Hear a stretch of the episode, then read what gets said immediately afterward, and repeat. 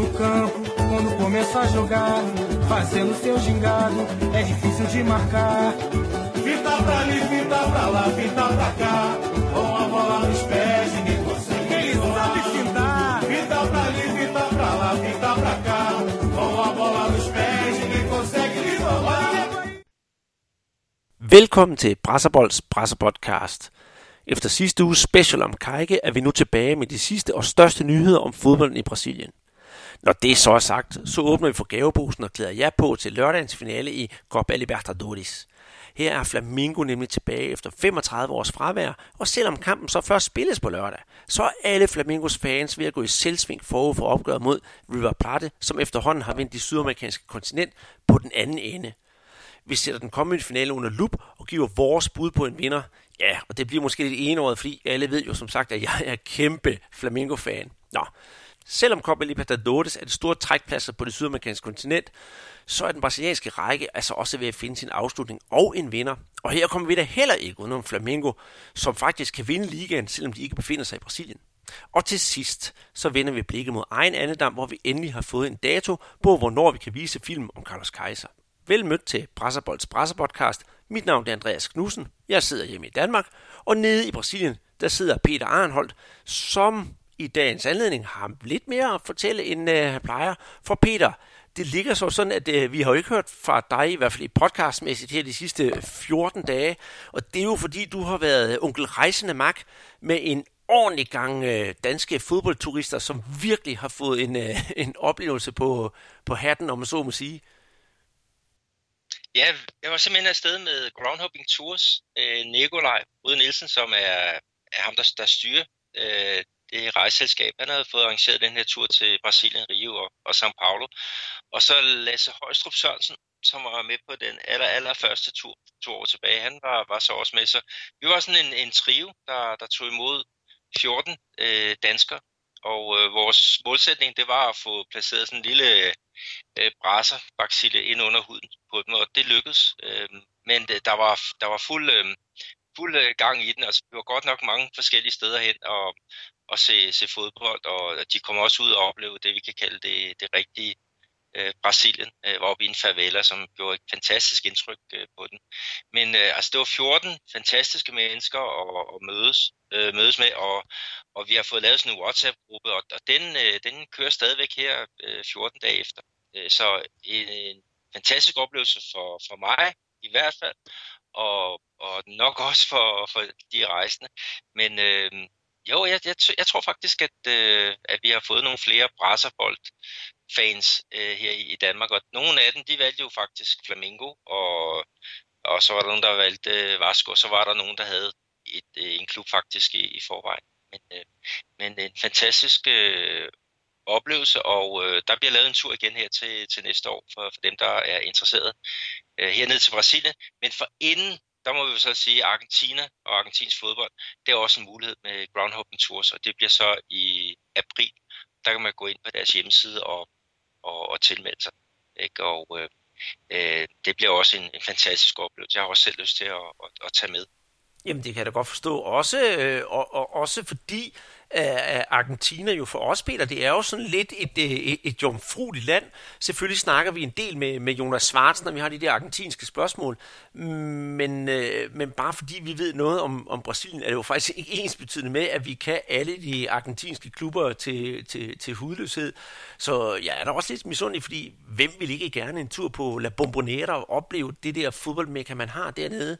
Så ja, alle i alt har jo haft en fantastisk tur, og jeg kunne også selv følge med, og jeg tænkte første gang, I så Flamengo ind på Maracanã, øh, eller var det New Santos, jeg kan ikke huske, hvad det var for en kamp, der var 14.000 tilskuere, det var en meget mager omgang, og så lige tre dage senere, bada bum, så, så skal I se fodbold foran 70.000, ikke også? Så det var sådan både øh, det, den ene ende af skalaen og den anden ende af skalaen, og det må have virkelig været noget, der, der har skubbet ved de, øh, ved de danskers øh, øh, fodboldforståelse, når de kommer derned og ser, hvordan, ja lige i den her kamp, den sidste, ikke også 70.000 flamingisters, der bare giver den fuldstændig gas i en kamp, som Flamingo selvfølgelig vinder. Det må jo have været en stor oplevelse. Det var afgjort, at det, der var det rigtig gode også ved de her øh, gutter, det var, at, at de levede sig fuldt øh, ind i, i øh, den her fankultur. Altså, de hæppede øh, med, med Flamingo i den der kamp, og de fik købt... Øh, altså, vi var, vi var nede på sådan en gade, som er faktisk øh, nærmest uh, ukendt område for, for turister. Øhm, og der, der fik vi øh, ja, nogle, nogle øl og hvad der et søger sig til, og de fik købt en masse øh, souvenirs.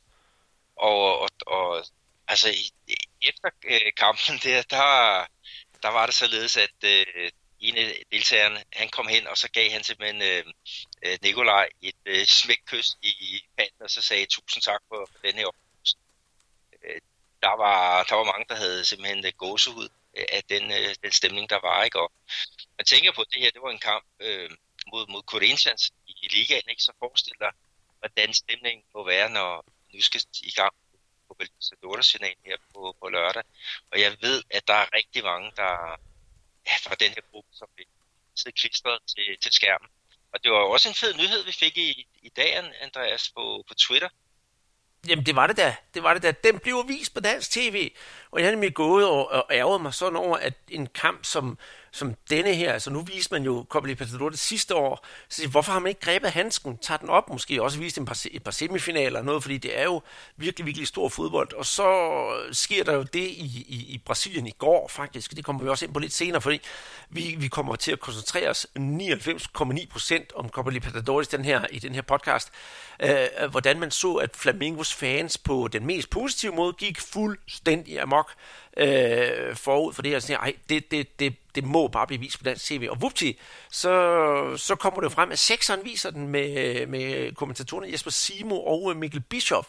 Så tune ind på, på, på sekseren her på lørdag, og så følge med, og det er jo en dag i, i, i normal tv-tid. Det er jo ikke klokken 3 om natten, klokken 4 om natten, som alle andre kampe. Nej, nej, det er ganske almindelig lørdag aften, så smid bagdysten til siden, og se noget lækker, lækker, lækker sydamerikansk fodbold, kan vi i hvert fald håbe på, Peter. Øh, sådan har jeg det, og jeg kan næsten ikke få armen ned. Det kunne jeg få, det har jeg ikke kun de sidste mange dage alligevel, men nu kan jeg da slet ikke få dem ned. Ej, det var, det var rigtig øh, positivt, ikke? og øh, Jesper Simo, der, der breakede den på, på Twitter, ikke? Altså, vi har overvejet at gøre ham til, til æresmedlem af den her øh, platform. Øh, men men øh, det er kl. 21, øh, og det er jo et tåligt øh, tidspunkt, så hvis man ikke gider lige at se Real Madrid mod Real Sociedad, så, så kan man jo se noget fodbold, der er, der er noget anderledes. Så der er jo også nogle, nogle gamle, velkendte øh, spillere fra, fra europæisk fodbold, så, så man er jo ikke helt lost i, i øh, under den her transmission, ikke? Og, og sidste år, ikke? Altså, sent så var, kom der mange øh, tilbagemeldinger med det, med den her kamp med, med øh, Boca og, og River, og, og jeg, altså min fornemmelse er, at den her kamp, den kan faktisk godt gå hen og blive endnu bedre. Det, tro, det tror jeg også. Altså det er det, det vi ser på i hvert fald med, med fra, fra, fra brasiliansk fodboldsynspunkt, det er jo øh, det absolut bedste hold i Brasilien PT. Der har lige været et par, et, et par svingærne undervejs, kan vi sige. Øh, det sidste resultat her i ligaen for eksempel, det var en, en svag 1-0, men på den anden side de havde otte reserver med, så alt forladt. Men, men, men generelt så er det bare det bedste hold over hele sæsonen, og Flamingo, hold nu fast, de har ikke tabt, siden jeg brokkede mig sidst over med podcasten. Peter, det kan du ikke huske, hvornår det var, men det kan jeg huske. Det var tilbage i forsommeren, hvor de tabte 3-0 mod Bahia, hvor jeg gav dem en ordentlig svada. Og det er, jeg kan ikke huske det her på stående fod, jamen det er efterhånden cirka en små 20 kampe siden, og hvor det bare er gået en vej, og det er opad, opad, opad, opad. Så fra deres side, der forventer jeg, alle, alle, øh, alle knapper, der bliver spillet på dem, og vi får en, simpelthen en all-out attack, altså på, på den fede måde, og vi får noget smuk fodbold at se. Men som sagt, det kommer vi ind på lidt senere, for vi skal lige gennemgå holdene og træner og så videre, så videre, så det glæder jeg meget til. Men mens du har øh, fiflet rundt dernede med, med alle dine nye venner i Sydamerika og eller mig i stikken, så har jeg jo måttet arbejde lidt på egen hånd, Peter, for øh, langt om længe, der fik jeg jo udgivet podcasten med, med Karike og øh, Rasmus Wirtz, og hvor man kunne høre det der hudløst ærlige interview med Karike, hvor han fortæller om sin tid i AB, øh, hvad han har lavet siden, og så faktisk også, hvad han lavede før. Og øh, jeg synes virkelig, hvis man ikke har fået hørt det, så gå ind og hør det. Hør det. Og så tænker jeg nemlig på, at nogle ting, jeg fandt interessant, ud over de måske mange sædvanlige ting, som han fortæller om, det var det der med, at han var blevet tilbudt en kontrakt i, i Duisburg, og jeg ved hvad, jeg har prøvet at google det på nettet. Jeg har altså ikke rigtig kunne finde det nogen steder, hvor der står om det der Duisburg der. Så det er da også sådan lidt en, en, en breaking fra hans side. Og så synes jeg faktisk også, at øh, samtalen med Rasmus Wirtz, det var aldeles hyggelig. Og han havde da også noget på hjertet at fortælle om den gode karriere. Ja, det blev også mærke i det der, hvad han sagde, karakteristikerne fra, fra, fra brasilianerne. Det var, altså han kaldte sig absolut ikke selv for en brasilianer, men den, den der flair og det der med at lave noget intuitivt på banen, det var, det var noget, som han, han, øh, han øh, synes var, var fantastisk at have på, på holdet. Ikke? Og så generelt set deres, øh, deres øh, gode humør, øh, deres smil og, og deres øh, glæde ved at, at spille fodbold, og så selvfølgelig også øh, den øh, sprogbarriere, som, som der er med de, de fleste øh, brasilianere. Men øh, ja, jeg kan også øh, anbefale i, i den grad, at man går ind og, og lytter til, til den. Den er jo på hvad er det, en, en god time, ikke? så hver er det et sekund værd. Det, øh, det er det helt bestemt. Og så udover det, så, så synes jeg selv, øh, øh, hvis det skal være sådan lidt ananas i egen juice, og det kan vi jo godt lide her, så, så i går, øh, der faldt der jo nærmest en, en appelsin ned i øh, vores brasserboldtur Turban, for øh, jeg har jo længe interesseret mig for det der Choco der Estrellas, som vi også fortalte om sidste år, og, og jeg har skrevet lidt om det på Facebook, fordi jeg synes, det er sådan en festlig begivenhed, også fordi man kan få lov til at se alle de der gamle idoler, og specielt Zico og vores gode venner Adilio og øh, øh Julia Sasser øh, være med til at spille noget god fodbold sammen med, ja, faktisk Neymar, Hubinho og alle, alle de der både de unge og de gamle hedder. Og øh, vi snakker også om sidste år, hvor fest i en kamp det havde været. Så jeg tænkte på, hvordan øh, kunne man få lidt mere at vide om den kamp. Og der har jeg fået fat i øh, ingen ringer en øh, Sigo søn, altså Arthur Knibbler Jr., som øh, ja, vi snakkede sammen en halv time tid i går om det her arrangement, og det var altså en super festlig snak, og jeg var sådan lidt nervøs for at snakke med, øh, snakke med og det plejer jeg ikke at være, men jeg tænkte, ah, det er jo, det, det, nu, nu er vi jo så tæt på, ikke også? For jeg sagde engang, at øh, for mig, der kunne Brasserbold stoppe den dag, jeg fik kontakt med Siku, fordi så, så peakede man, så, noget, så kunne man slutte på, på det højeste niveau. Og så jeg er frygtelig tæt på at være der. Og øh, i den her snak, der kommer vi altså ind på rigtig, rigtig mange gode ting. Og jeg kan faktisk fortælle Peter, at øh, en, der altid er med i det her Jogo der Estrellas, det er jo Renato Gaúcho, som jo er, er, er træner for Gremio. Og øh, til at starte med til det her arrangement, der skulle man jo bare have et kilo fødevare med, når man kom og, og, skulle, og skulle være tilskuer til kampen. Og øh, så længe man skulle have et kilo fødevare med, så kunne øh, Zico søn fortælle, at øh, når Henrik Dogoshu, han skulle komme op og spille med i kampen, så havde han altid et kilo fødevarer med, som han pænt afleverede. Og så sagde han, så kan jeg også få lov til at være med til at spille. Og det, det, det overraskede mig lidt. Ikke at øh, øh Henrik Renato er en ond fyr eller noget som helst, men at den der gestus, han bare kommer med, og han er perlevenner med Sigurd, og så siger han, hvad, jeg donerer sgu et kilo fødevarer, ligesom alle mulige andre, selvom, ja, jeg ved godt, det er sådan, der bare lidt, måske lidt stafage, men alligevel, det beviser jo, hvilken ja, stor og farverig person han egentlig er. Ja, det er i hvert fald øh, overskud, ikke? At komme der med et kilo, er det bønner eller ris, eller, eller hvad det nu er. Det, det er ikke så velset, hvis man kommer med et kilo omelet. Øh, det skal være noget, der er ikke fordærveligt. Men øh, det siger sig selv. Men øh, fantastisk øh, arbejde med, med, med Siku Junior, ikke? og øh, ja, næste skridt, det kan jo kun være himself det satte sig hårdt, det satte sig, det satte sig hårdt på. Øh, samtalen den endte jo med, at øh, vi blev enige om, at vi skulle snakke sammen på et andet tidspunkt, og han siger, at det er noget, jeg kan gøre for dig. Og man sidder jo der og siger, skal man spørge, eller skal man ikke spørge? Så nej, jeg lader være med at spørge, og så sagde jeg, ved du hvad, øh, du må bare have en øh, god tur til Japan, for man på vej til Japan, og så må du hilse din familie, og så må du hilse din far rigtig, rigtig mange gange for mig, som er den eneste danske medlem af, af Flamingo, hvorefter han sagde, ved du hvad, det kan du tro, jeg ved, og øh, hvis jeg får tid, så skal jeg nok give ham dit telefonnummer kommer. Så nu krydser jeg fingre, ikke jeg regner med, at de ringer, men så er der, der begyndt at blive skabt en lille bitte øh, smule kontakt. Så, så det var en rigtig god samtale. Og ved du hvad, øh, hvis jeg lige må få lagt mig i selen, og ikke går for meget i Copa Libertadores koma her i weekenden, og bliver den ene eller anden vej, vi skal, så håber jeg lige kunne få oversat den samtale, jeg har med ham, fordi jeg synes, det er noget, jeg alle sammen burde høre, da det, øh, da det ikke kun handler om at være Sikos søn, det gør det selvfølgelig også, men i det hele taget det der med at sætte sådan en show på benene, og hvordan man får alle de der store mennesker til at komme, og han fortæller nemlig præcis også den historie om, hvordan det var, da Maradona var med i, øh, i, i, i den her turnering, og hvordan de fik Maradona hertil, og det var faktisk ikke kun Maradona, der kom, der kom faktisk en anden rigtig, rigtig stor argentinsk spiller, men han kom altså til at stå lidt i baggrunden af Maradona, men øh, glæd jer til det, så skal jeg nok se, om jeg kan, kan lægge mig i selen. Men Peter, øh, nok om vores øh, hyggesnak om, hvad vi har lavet med brasiliansk fodbold, fordi vi kunne blive ved at snakke i timevis om det her. Så skal vi jo altså til det, det, det, det hele drejer sig om. Og øh, hvis... Øh, undskyld, hvis jeg nu går ud og henter en iskold guaraná, og du gør det samme, så sætter jeg et lille stykke musik på, så vi kan komme i den helt rigtige stemning.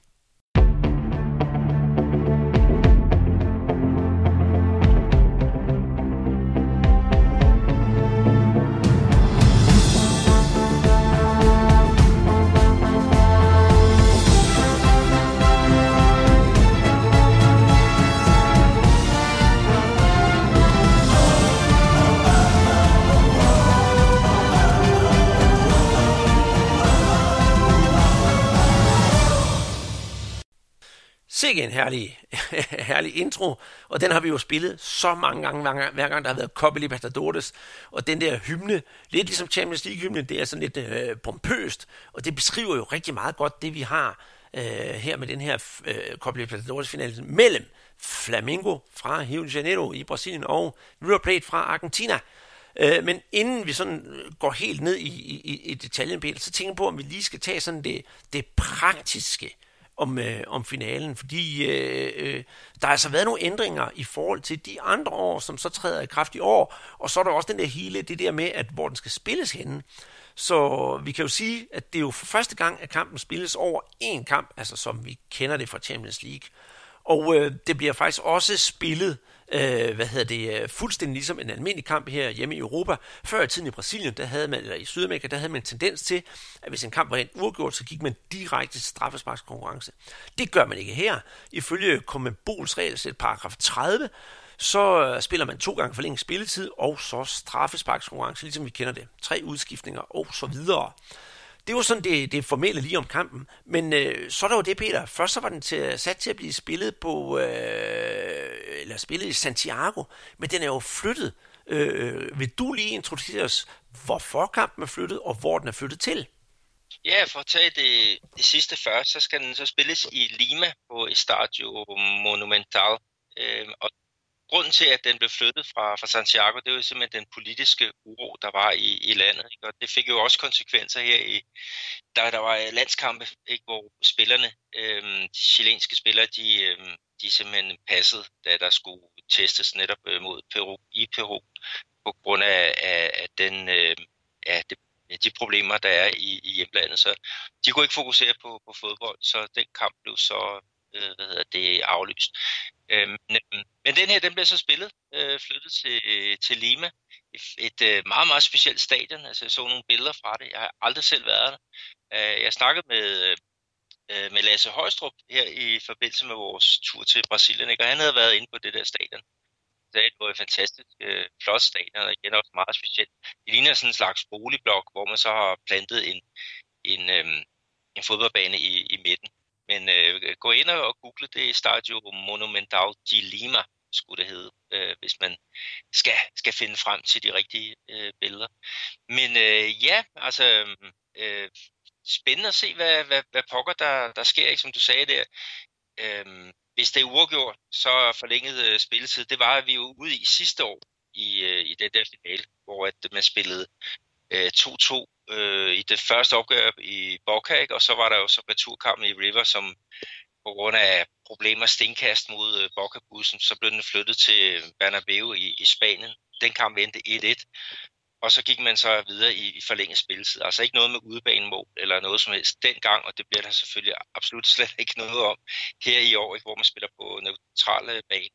Og så en lille øh, ekstra øh, ting, det er, at øh, tre udskiftninger, ja, og hvis vi går ud i forlænget spilletid, så må hvert hold slippe en spiller mere løs fra reservebæk. Så det er sådan, det er rammerne, når vi skal, skal lege op det i, i de der tre punkter. Mm-hmm og det, det fungerer jo meget fint, fordi så, så har vi forudsætninger for, hvordan det skal, hvordan det skal gøres. Og jeg vil lige, inden vi, vi, vi går videre til næste punkt, det er netop, hvor, hvad, hvad man siger om den her finale, ikke også? Det er, at hvis der er nogen af jer, du tænker på Lima, gud, jamen det er jo Peru, så spiller de jo op i, i 4.000 meters højde. Det gør de ikke. Øh, det er der taget øh, forbehold for, fordi Lima ligger altså kun 1.500 meter over jordens overflade. Så det der højdeproblem, som vi altid snakker om i Copa Libertadores, det kommer ikke til at berøre nogen af de her to hold, og det er jo også meget godt både for, for, for River og Flamingo. Men øh, den her finale, Peter, vi kan jo ikke komme ud om, det, øh, at det er noget af det største, der sker, der sker i sydamerikansk fodbold i løbet af, af, af, af året.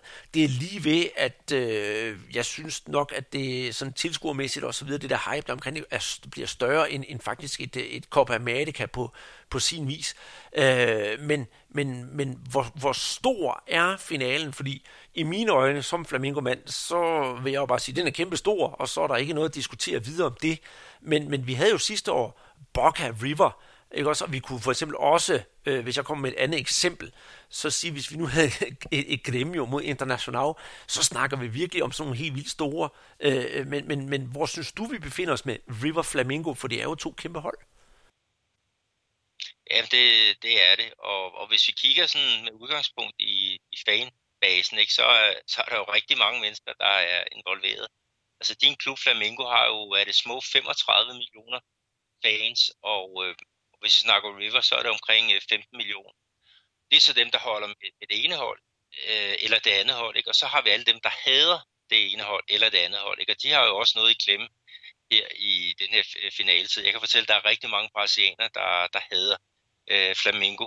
Ikke af et godt hjerte, men af et ondt hjerte, fordi de føler simpelthen, at den klub bliver, bliver forfordelt. Og det kan man så diskutere, om det er rigtigt eller, eller ej. Men de får i hvert fald rigtig mange af de tv-penge, øh, som bliver, bliver stukket ud sammen med, med Corinthians. Og det er jo også med til at, at forvrænge øh, styrkeforholdet her i, i Brasilien. Men, men øh, den største, altså det kan det jo blive. Øh, Altså, vi havde den sidste år, ikke? River Boca, ikke? og der havde Globo inviteret en, her, op til den her finale, så havde de inviteret en gruppe eksperter, som skulle så finde ud af, hvad var egentlig den, den bedste finale, øh, der havde været. Ikke? Og de, de stemte faktisk på, på det her super klassiko øh, sidste år. Men der var jo også alt det der drama udenom, som var med til at, at forstærke øh, de her følelser. Ikke? Og ja, vi måtte ud i forlænget spilletid, og det blev egentlig først afgjort, da, da en bokkermand øh, røg ud øh, fra sit andet kort, ikke? og så, så kunne øh, River øh, hive den, den hjem øh, til, til aller, aller sidst. Men øh, altså, vi må jo se, hvor, hvor langt den her kommer, kommer op eller, eller kommer ned. Altså, det er jo to meget, meget attraktive hold, som, som mødes, ikke? Og, og hvis vi kigger lidt på den, sådan, altså, hvad, hvad har de egentlig vundet øh, gennem tiderne, ikke? Så, så, så har de alligevel nogle, nogle trofæer på deres, øh, deres konto. Det har de. Hvis jeg ligger ud med, med, med, med Flamingo, så har de jo et VM for klubhold tilbage i øh, 1981. Det var en øh, 3-0 sejr over Liverpool i Tokyo. Og så har de uh, en gang Copa Libertadores. Det er uh, den, det ene VM for, for klubhold. Så har de uh, andre sydamerikanske turneringer, der har de også to uh, pokaler til at stå. Og så har de jo så fem og måske det sjette brasilianske mesterskab øh, i, i hus her. Så, så det er ikke den, den mest vindende klub i Brasilien, men det er en af de klubber, som øh, der virkelig øh, bliver talt meget om, og vi skal jo sige, at det kan godt være, at du siger et VM for klubbold og et Copa Libertadores, men det er et, der har hængt som en tungt å over klubbens skuldre siden 1981, da de vandt det der. Så jo, der er, det er en stor klub, vi har fat i, men hvis vi kigger på River, så øh, har de en lidt anden, øh, en lidt anden statistik også, og, men minder meget om Flamengo på sin vis. Ja, de har også et øh, VM for klubhold, og så har de jo så vundet Copa Libertadores øh, hele fire gange, ikke, hvor at, at øh, de godt nok har, har været gråde her i løbet af, af det sidste, sidste periode under, under træner Gallardo. Øh, og så det vi har sådan, vi har lagt en masse af de der øh, sydamerikanske turneringer sammen, øh, og der har de så vundet seks af dem, blandt øh, Copa Sudamericana, altså den, den lille, og så også den der Recopa, som er et sådan super, Supercop mellem vinderne af den store Libertadores og den, den mindre øh, Sudamericana. Og hvis vi snakker argentinske mesterskaber, ikke, så, øh, så, så, så måtte jeg lige sætte mig lidt med, ikke, fordi det var immer væk 36, øh, som de, de står noteret for. Det er godt nok øh, vildt.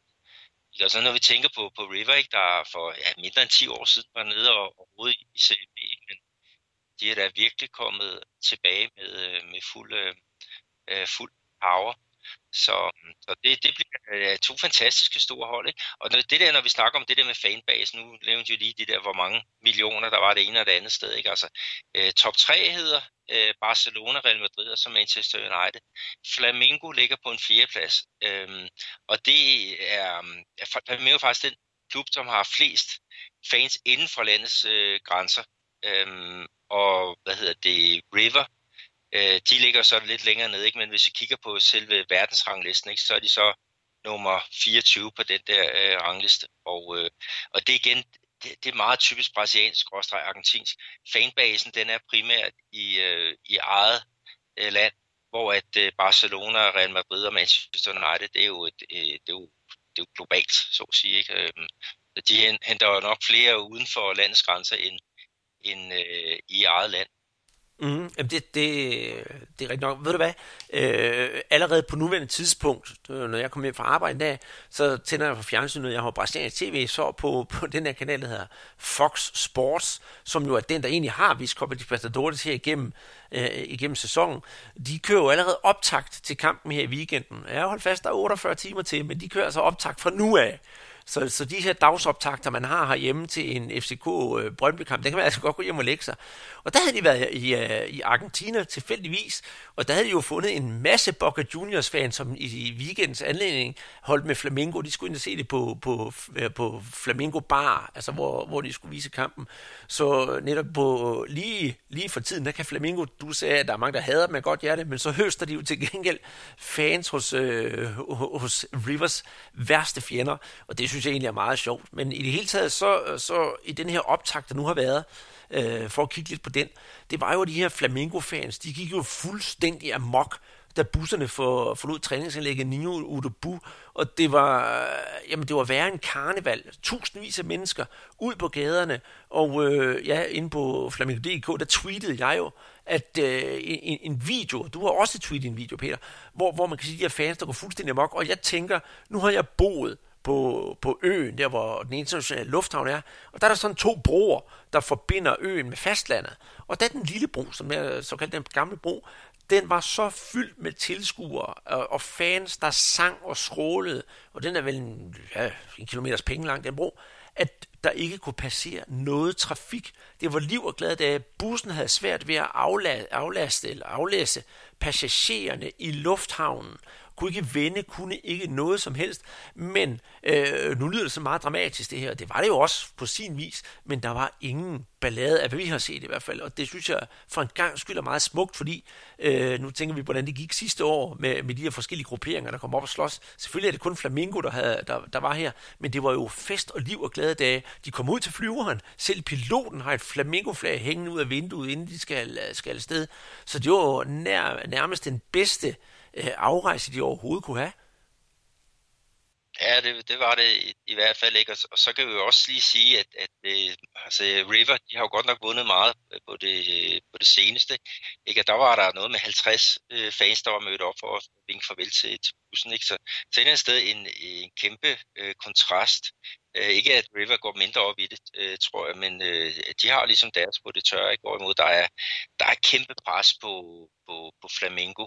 Ja, du, altså nu snakker vi om det der med, at det gik øh, roligt for os. Altså, der var i hvert fald en, en, øh, en enkelt episode, ikke, hvor der var noget afspæring, altså, fordi der var pres på, så, så var der øh, noget, der, der væltede, ikke? og der var nogen, der kom til, til skade der. Men, øh, og det gør jo ondt, uanset om det er ond mening eller god mening, men det var jo altså, euforien, der, der havde hvad hedder det, overtaget, ikke? og jeg håber da, at, øh, at, at dem, der, der, der fik øh, nogle hudafskrivninger, de siger, at om det var investeringen værd. Ikke? Øh, det, det får vi jo se her på, på, på lørdag, ikke? men øh, jeg skal love for, at de spillere og ledere og alle dem, der var med delegationen, de blev der nærmest borget øh, afsted til, til det fly, der skulle tage dem til, til Lima her i, i går. Mm.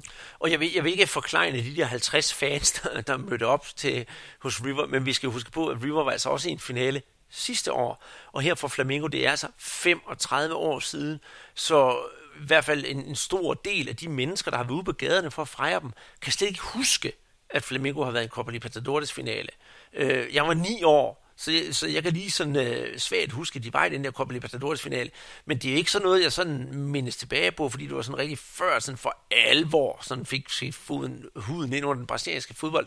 Jeg vil sige, for, for mig der er det altså også noget kæmpe, kæmpe stort. Jeg har oplevet mesterskaber, jeg har været på stadion til mesterskaber, men det her, det er, øh, sådan hvad jeg har set, ikke også, og kan huske, det bliver det største for, for Flamingo, mit klubforhold, øh, forhold til klubben indtil videre, så jeg kan fuldt forstå den, øh, den måde, de, de opfører sig på.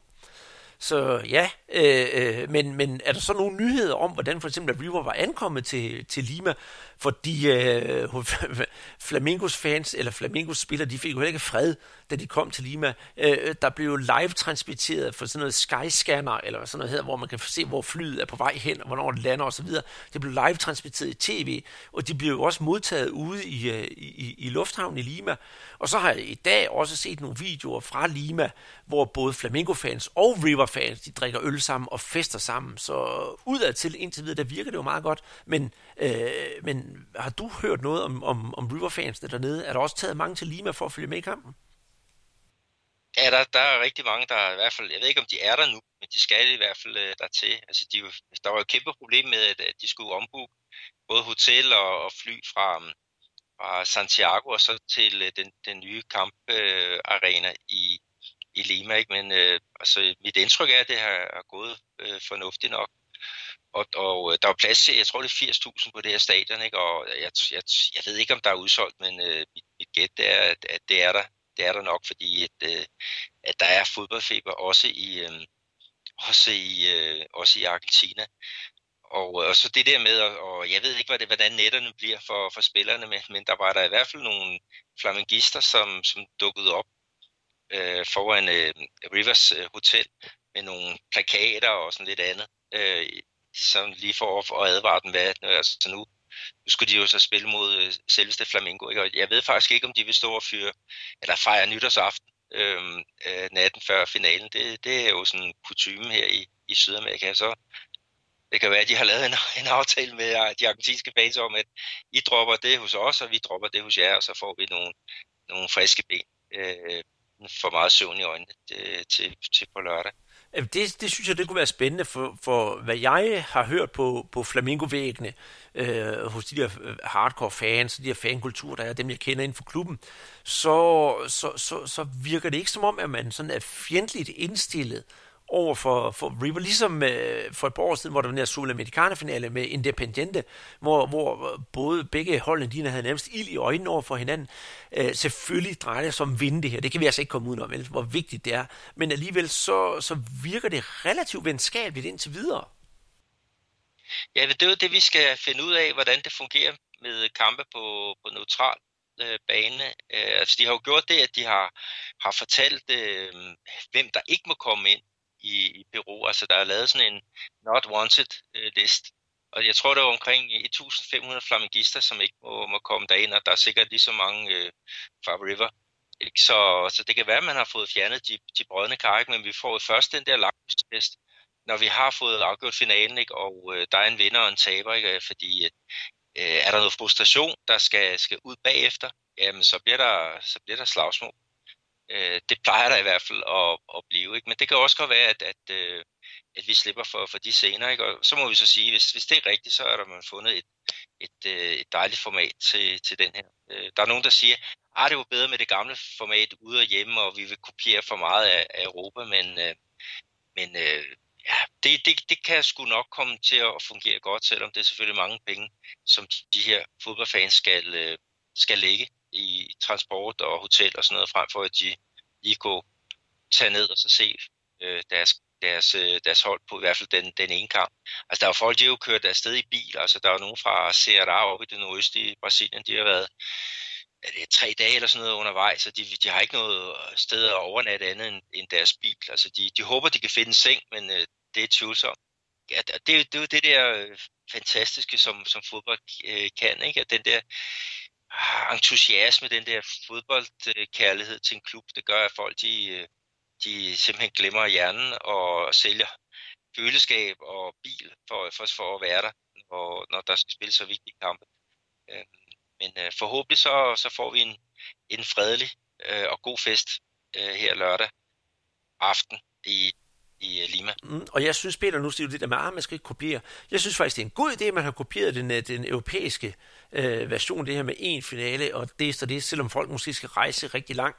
Og så skal man heller ikke brokke i Sydamerika, fordi øh, Europa har også kopieret en masse fra Sydamerika. Skal vi bare lige hurtigt nævne den der barberskum spray, for den blev brugt i Sydamerika vel 5-6 år, før den overhovedet kom til, øh, til Europa. Så det gælder om at lære fra hinanden og tage det bedste fra hinanden. Jamen, Andreas, lad os øh, kigge på de to hold, ikke? og øh, vi har jo begge to brasserbrillerne på, ikke? så lad os bare sige, at Flamengo er, er hjemmehold, i hvert fald dem, vi starter med øh, allerførst. Og så igen det der, Andreas, altså, som du, du nævnte, ikke? det første finale siden 1981. Øhm, og, og jeg kunne egentlig godt tænke mig at vide, sådan, bare lige for at sætte øh, tingene lidt i relief, altså hvad var det for nogen, der vandt titlen til, til Flamengo der for, det er rigtig mange år siden. rigtig, rigtig mange år siden. Jamen, men i det hele taget, Peter, det var et hold, der, der sådan op igennem 70'erne voksede og voksede og voksede og fik en masse nye talenter, som man på daværende tidspunkt, selvfølgelig har der været Palais og sådan noget, men, men set over sådan en stor kamp, ikke havde set mage til i et kollektivt i, i, i brasiliansk fodbold. Og øh, da de så i slutningen, jeg skal nok komme på navnet senere, det ikke det, men da de så i slutningen af 70'erne fik den øh, lidt anderledes træner, øh, daværende, øh, kan man sige, på øh, 70'ernes Jürgen Klopp, øh, Claudio Coutinho, han var ført også VM-træner i 1978 øh, for Brasilien, fik ham ind på Flamingos hold og implementerede de der nye idéer med, med, med meget løb, overlapping og så videre og så videre så begyndte de der hold at blomstre, og han var også mm, sådan, mm, hvad kan man sige, militær øh, idrætsuddannet, så han kunne få nogen, der var måske lidt spinkle og, og sådan noget, til at, at få mere kropsfylde og sådan noget. Og en af dem, som blomstrede frem af det her, det er jo øh, Antonio Coimbra, også kaldet Zico. Og øh, hvad han fik ud af Zico, det er altså ikke småting, men Øh, da de så endelig fik kvalificeret sig og vundet den her øh, Copa Libertadores øh, turnering, og det de vandt med, det var med navne som Raul Plasman øh, på, hvad hedder det, øh, han var målmand, han var også landsholdsmålmand på det tidspunkt. Vi har en Andrade og en øh, Leandro, som mange nok kan huske som, øh, som bak fra 1982 holdet i VM. Øh, vampyren Moser, og så var der Junior, selvfølgelig Zico, og så var der Bummer Nunes, og så, ja, Chita, måske ikke så kendt igen, og så er der jo selvfølgelig, vi skal jo ikke glemme, vores gode venner podcasten, podcasten Adilio. Og hvis man bare, det her altså kun nogle af de navne, jeg lige nævner her, men øh, hvis, hvis man kigger nærmere på dem, så kan man jo se, det er jo nærmest grundstammen for det VM-hold, som repræsenterede Brasilien i 1982. Der er til dels en målmand, Øh, Øh, han var med som reserve, så vidt jeg husker. Og så var der Leandro og Moser og Junior og Zico. Øh, jamen, altså, det kan jo næsten ikke blive bedre. Dengang var det så til øh, hvad hedder det, finalen, var det øh, uh, Carbardieni, der var, der var træner. Han lever stadigvæk og har også været inde over Flamengo hen for de sidste par år. For det skete hverken værre eller bedre, at efter øh, lige inden Copa Libertadores, der, der døde Claudio Coutinho ved en øh, frygtelig drukne ulykke, og han er stadigvæk en af de der spillere, en af træner, som de her spillere sætter op på en, en virkelig, virkelig gylden pedestal, og sammen med resten af holdet, for hele holdet, de sidder bare derop, og alle, der bliver, kommer ind hos Flamingo, de bliver sammenlignet med det der 1981 hold. Øh, så ja, det var et rigtig, rigtig, rigtig stort hold, og det bliver nok stadigvæk det største, selvom de vinder her på lørdag hvad hedder det, Flamingo, så vil det der hold med Sigurd Company stadigvæk sidde over dem. Men sådan er det jo engang. Jeg vil også lige sige, de navne der, som du, du nævner der, jeg husker især øh, Junior, øh, som jo var på, på landsholdet der, i højrebenet venstreback, som, øh, som virkelig var med til at, at, at, at, at sætte takten på, på det der øh, fantastiske øh, VM-hold i, i 82. Og, og han er jo så stadigvæk en, en meget, meget vældig øh, person og ekspert her på, på blandt andet Globo, øh, og, og gør det rigtig fornuftigt. Han har også været inde over, over ledelsen i, i Flamengo, ikke? Men, men ligesom vi snakkede om, om den falske øh, nier, øh, i, i de senere år, ikke, så har, har Junior, han var faktisk den, øh, den øh, falske øh, venstreback. Øh, men øh, det var sindssygt, hvor han var, var dygtig til at diktere spillet, øh, der når han trak øh, ind i banen, eller også lavede de der overlapping, som, som du, du nævnte tidligere. Så fantastiske øh, navne her. Øh, så kan jeg lige komme med sådan en lille krølle på halen historie, dengang i 1981, fordi vi snakker jo om, Peter, at nu skal de kun spille én kamp, men tilbage i 81, der spillede man altså tre kampe, fordi den første kamp, som blev stillet den 13. november, der spiller Flamingo øh, mod øh, Cobreloa og vinder 2-1 på Maracanã foran 93.985 tilskuere. To mål af, af Zico og et mål af Marrero. Og så den anden kamp på, øh, på Cobreloas øh, hjemmebane, der vinder de 1-0 øh, på mål af Marrero. Fint nok. Godt nok, der står 2-2 lige pludselig.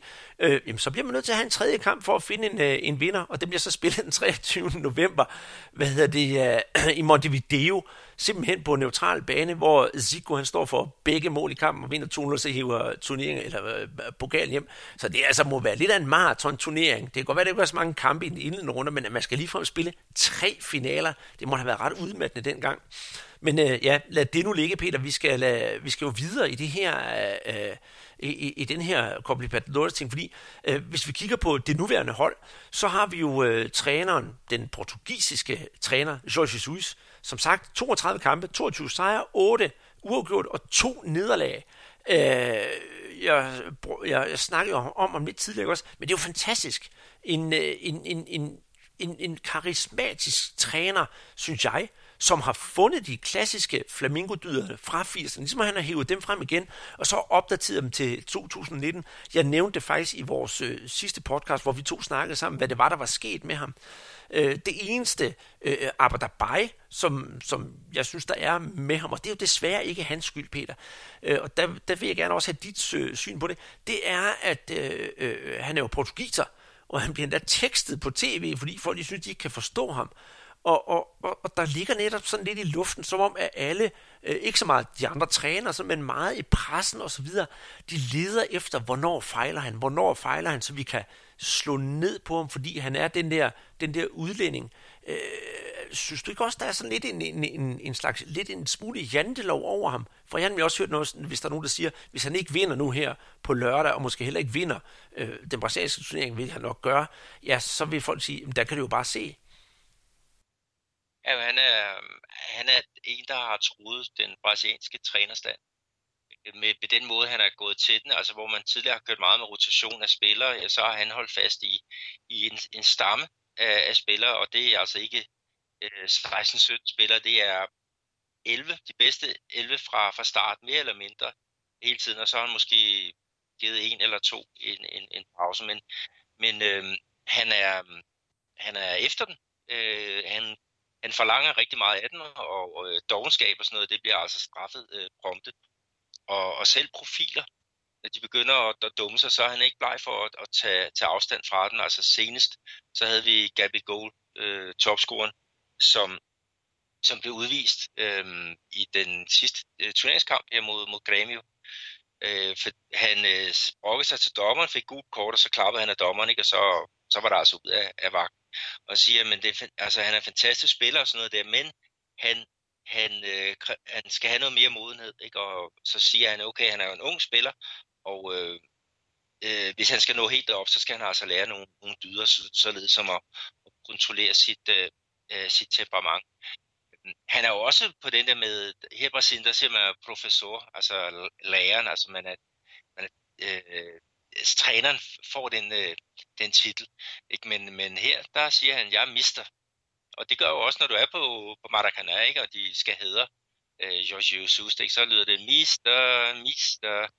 Og det vil han sige, at han er, ikke, han er ikke pædagog, han er ikke lærer. Altså han er, det er ham, der bestemmer, det er ham, der fortæller vej, og han er ikke øh, bleg for netop også efter kampene, og så tage fat i nogle spillere, og så fortælle dem på hans façon, og det er altså ikke med, med klap på kinden, men hvad de skulle have gjort. Øh, så jeg, jeg tror, han er en anstrengende træner at, at have, men, øh, men resultaterne har, har jo været der. Ja, ja. Men, men Andreas, han har jo ikke, øh, altså der, det har jo ikke været gode resultater hele tiden. Altså han fik jo noget øh, kaotisk start, ikke? De, de tager blandt andet i, i Copa Libertadores, så tager de øh, 2-0 ud til øh, MLEC. Og der fik han jo læst og påskrevet af blandt andet øh, Junior, som vi snakkede om tidligere. Han kaldte jo ham jo en, noget helt specielt. Han kaldte ham i hvert fald på portugisisk professor Padrau, og professor Padrao, det er georgierløs. Og øh, vi tweetede jo også, Peter, et billede, hvor, hvor øh, han står med hans store hår, i sådan en karikaturtegning, i sådan en fysiklaboratorium, øh, hvor det hele det er bare ved at springe i luften. Øh, og så har han alle mulige kolber med forskellige navne på. Og det var netop fordi, så tænkte, hvad, hvad er det, han laver? Han prøvede nogle ting, som overhovedet ikke virkede. Jeg tænkte, det her, det går aldrig godt.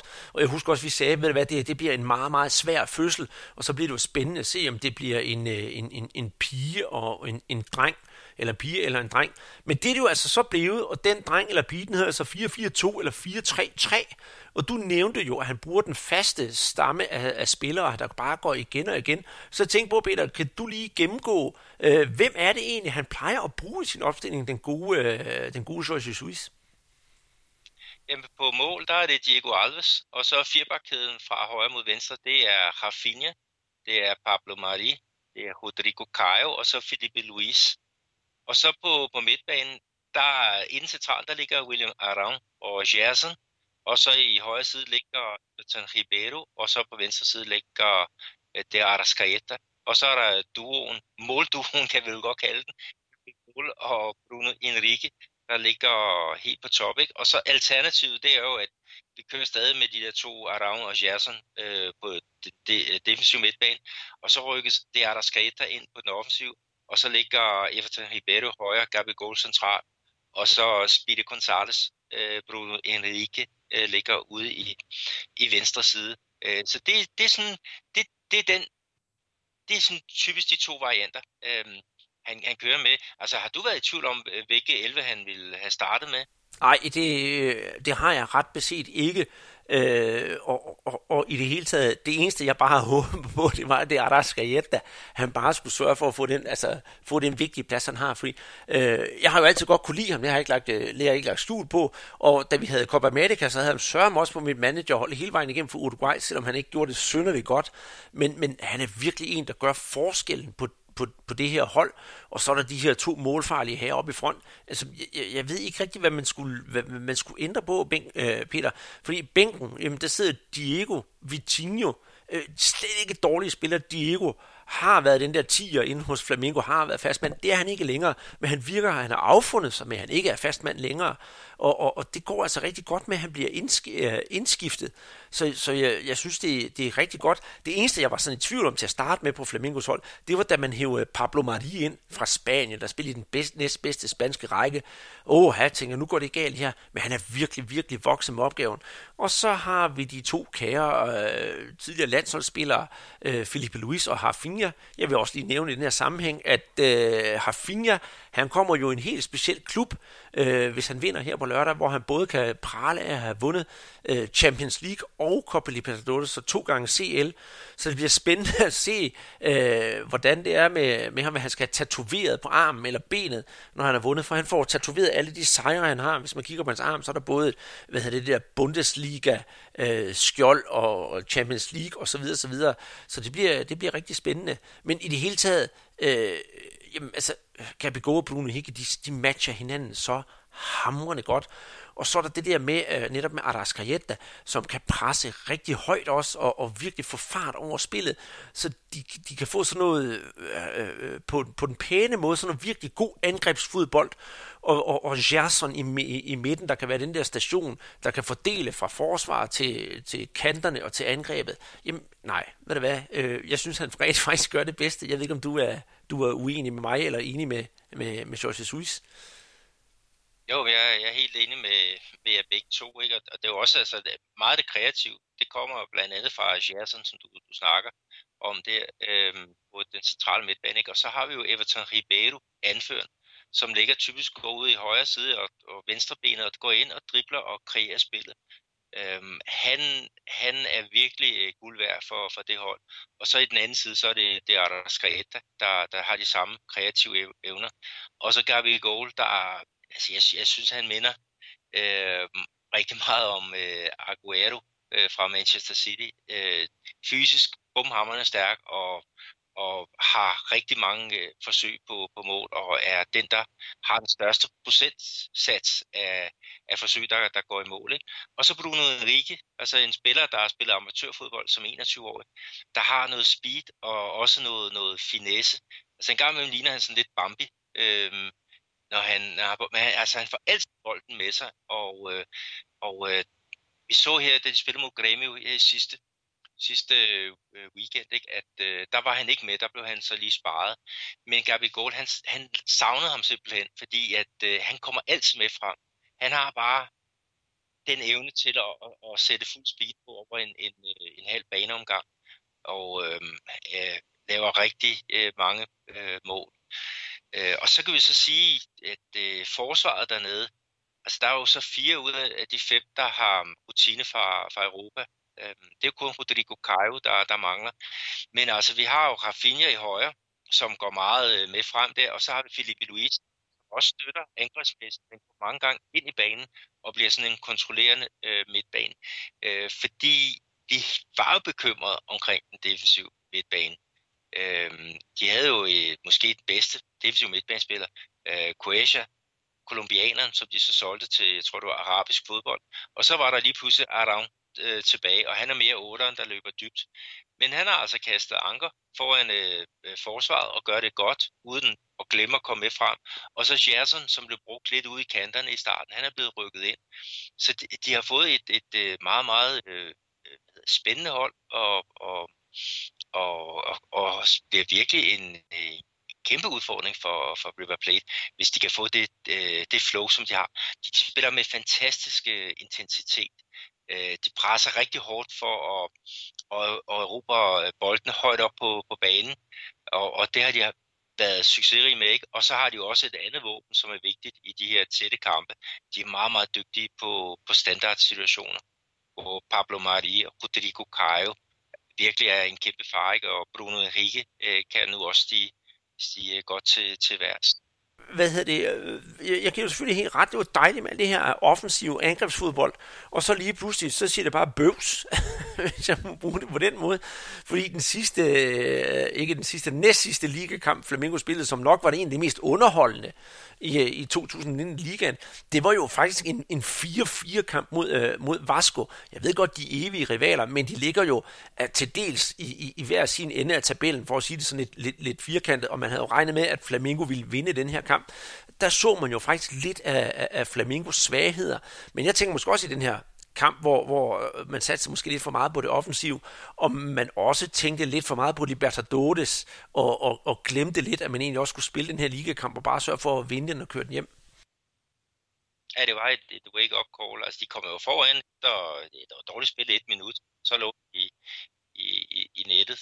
Øhm, og, og så, ja, så fik øh, Vasco altså vendt den og var foran 2-1, og, og 3-2, og så lavede Bruno Enrique, han lavede så to mål, ikke? og så i ja, kort før tid, ikke? så er det Ribamar, som får puttet udligningen ind. Men der er nogle af de mål, ikke? hvor man tænker, okay, altså uh, Rafinha står totalt fejlplaceret ved, ved et af målene, hvor han ser ud som om han er ved at, at stå og, og kigge på klokken.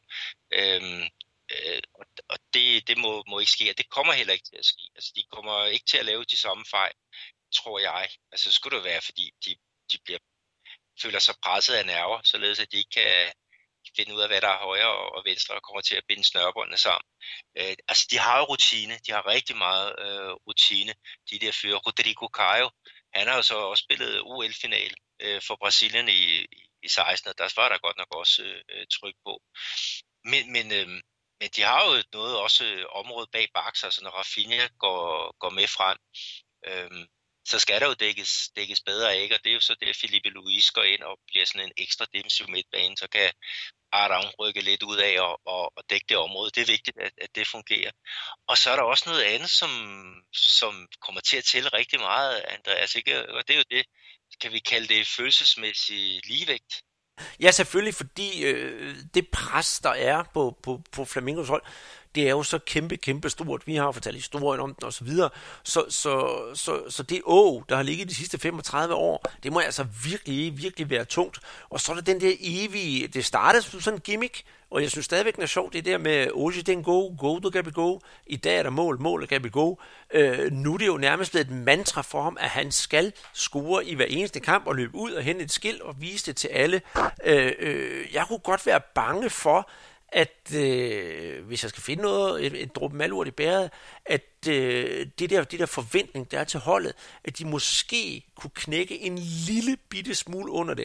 Eller at, øh, hvis jeg sammenligner med et eller andet, ligesom da Brasilien spillede landskamp mod Tyskland i Berlin her sidste, sidste påske, og se en... Øh, hvad hedder han, øh, Gabriel Jesus, der, der ville gøre alt for at score, og jo mere ihærdig han blev for at score, jo værre gik det, så han ikke fik scoret. Øh, det kunne jeg godt forestille mig ville ske for, for, for Gabi Go, fordi en gang imellem kan man altså godt se, at han får en lille smule, øh, skal vi kalde det nervøse gummiben, fordi talentet fejler jo ingenting. Ja, han har et fantastisk øh, talent, ikke? og øh, jeg snakker om det der med, at han er, er topscorer på, på rigtig mange offensive parametre, ikke? men han er også eller, er nummer et på det, der hedder at, hive flest uh, kort. Altså, det er jo, jeg tror faktisk, han har overgået Felipe Melo uh, her i, i den her sæson. Men, lige en, en ting, der, nu snakker vi om det 35 år siden, det må jo være 38 år siden, hvis det var 81, og det er det jo.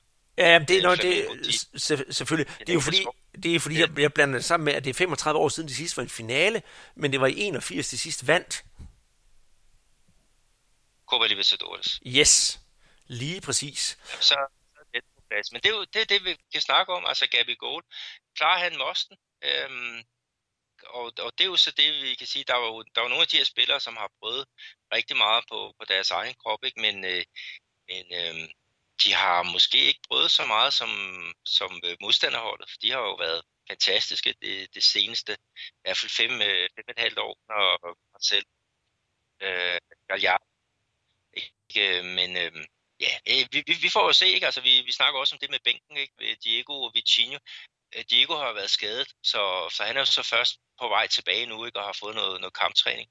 Men så er der jo også nogle af de unge øh, kanoner, Hanje, som, som øh, er et fantastisk øh, 17-årigt talent, som alle de store klubber øh, har kigget på. Og han, jeg ved ikke, om han skifter her, når han fylder 18 til, til januar, men, øh, men øh, han, han kan altså nogle, nogle ting. Øh, øh, Tim Vickery kalder ham for den, den nye Balak, øh, og jeg, jeg synes, han har noget, noget øh, Zidane-DNA i sig med hans lange krop, og det med, at han hele tiden kan vende sig ud af nogle, nogle situationer. Og så har det jo også en spændende uh, ung angriber i Lincoln, som dannede et øh, rigtig godt øh, par med uh, Vinicius Junior, som så spiller i, i Real Madrid. Øh, og han har også kommet ind, han har været skadet også, ikke, men kom kommet ind og, og lavet nogle, nogle vigtige mål i, i ligaen. Men, øh, men øh, umiddelbart så vil jeg så sige, at der er ikke sindssygt meget at, at skyde med fra, fra Bæk, men, øh, men de fire, det er jo nok det, øhm, at øh, at øh, George Jesus, han, han, øh, han piller ud, hvis, hvis han, han mangler. Eller så er der selvfølgelig Bakken og René, som øh, har været en substitut, øh, substitut for, for Felipe Luis. Øh, og så Pires, som, som er en midtbanespiller, øh, som, som gør et godt stykke arbejde, men er slet ikke på samme niveau som, som de 11, der, der starter. Helt, helt men, enig, men, øh, men, men jeg, vil, jeg vil dog sige, Peter, jeg synes faktisk, at Peters har gjort Peters de Motta, øh, når han er kommet ind, Øh, selvfølgelig, øh, det er jo ikke øh, topklasse som resten af holdet, det er lige niveauet under, men han har virkelig gjort det bedste, han kunne, og været, vist et godt ansigt i de kampe, øh, de kampe han har været med i. Ja, det er jo godt nok. Altså, man kan jo godt gøre et nyttigt stykke arbejde, selvom man ikke øh, har stjernestatus. Øh, ikke? Og, og øh, det, bliver, ja, det bliver spændende at se, øh, hvordan kampen udvikler sig. Ikke? Men hvis de skal ind og holde et resultat, eller de får noget skade på den centrale midtbane, så er det jo nok Bittes, der, der kommer ind. Men, men Andreas, skal vi, øh, skal vi vende øh, kampbanen det synes, jeg, det synes jeg, vi skal, og så går vi to ud og, og, og henter en Guadalajara, og så synes jeg, vi skal høre, jeg har ikke hørt den før, Peter, så skal jeg lige finde frem, skal vi ikke høre lidt af, af, af River Plates øh, hymne, for selvom vi ser det hele med brasilianske øh, briller, så skal River da også have et klap på skulderen. Jamen, det, det er så også det eneste klap på skulderen, de skal have i dag.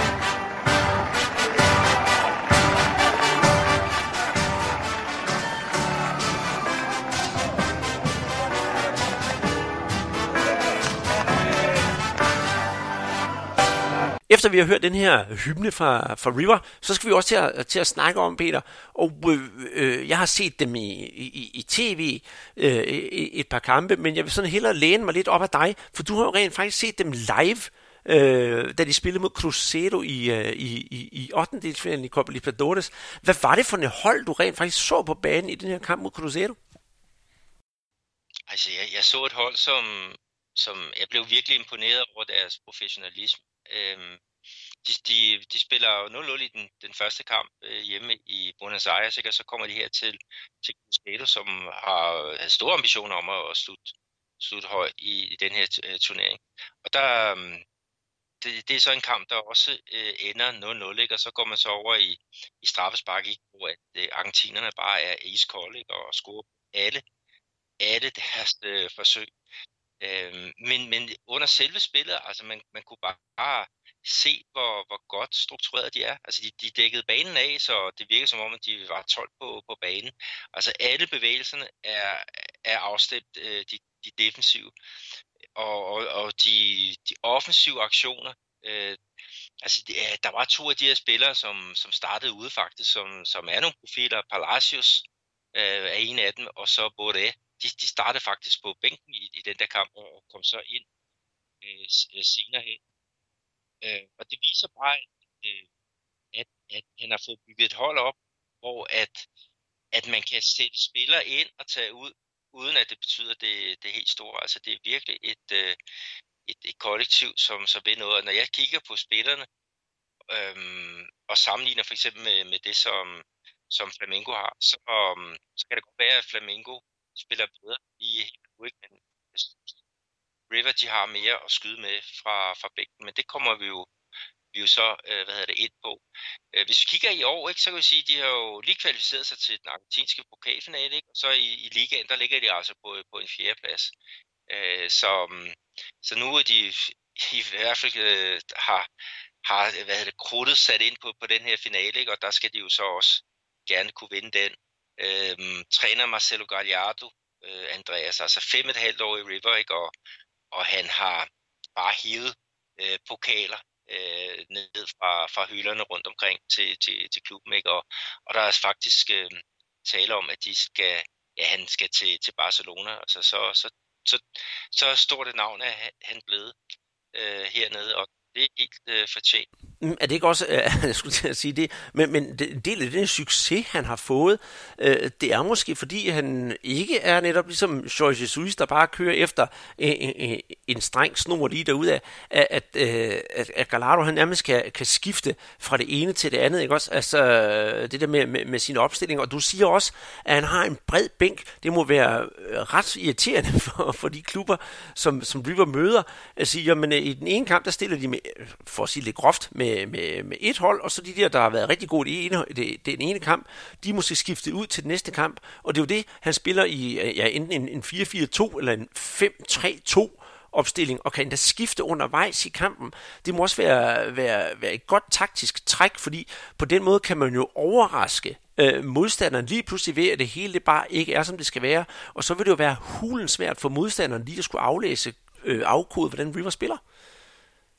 Ja, altså vi kan så sige, at, at her på det seneste, ikke, der har han faktisk holdt fast i, i det, som vi kan betegne som hans, øh, hans øh, idealopstilling. Og den kan vi måske lige tage. Øh, det er jo så på mål Armani, øh, som også øh, stod på det argentinske landshold her under Copa America.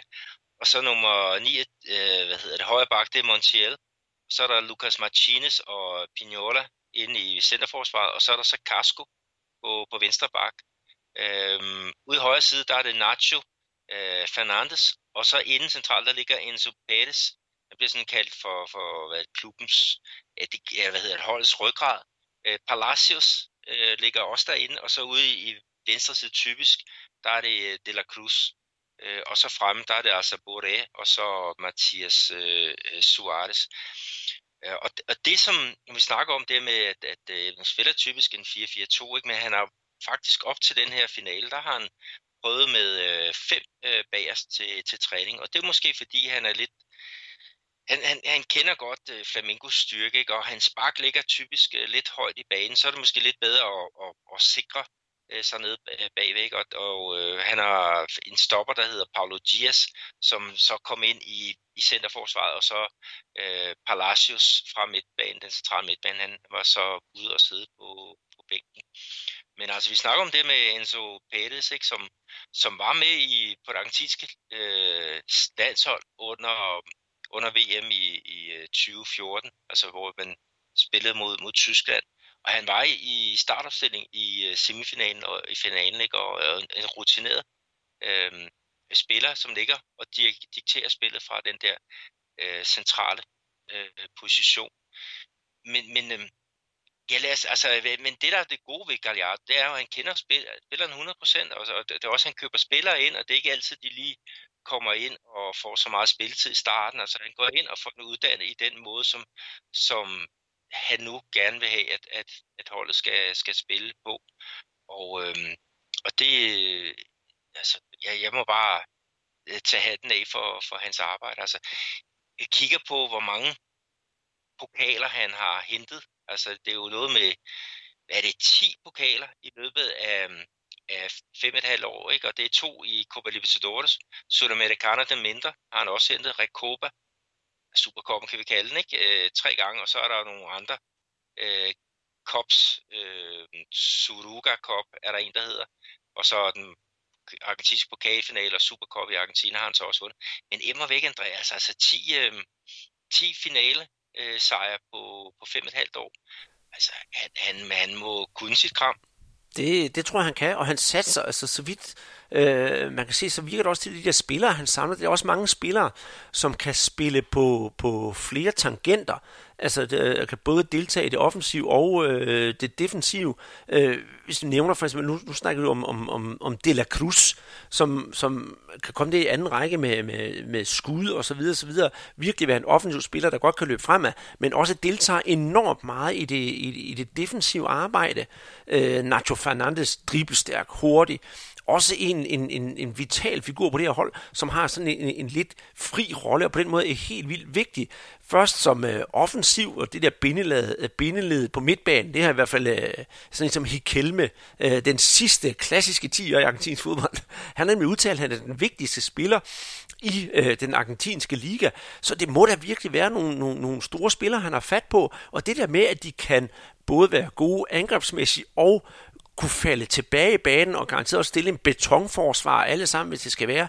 Det er jo en, en, en, en force, synes jeg faktisk, i stedet for, at man, man kan måske mange sige, gud, hvor spiller de kedeligt, fordi de bare parkerer bussen næsten alle sammen. Men, men hvis det er det, der skal til, parkere bussen, og så bare komme med de der øh, stik som en bi, ikke også hver gang, at de lige skal komme op på et kontraangreb. Hvis det virker, jamen, så er det jo klart, at lige pokaler kommer i skabet.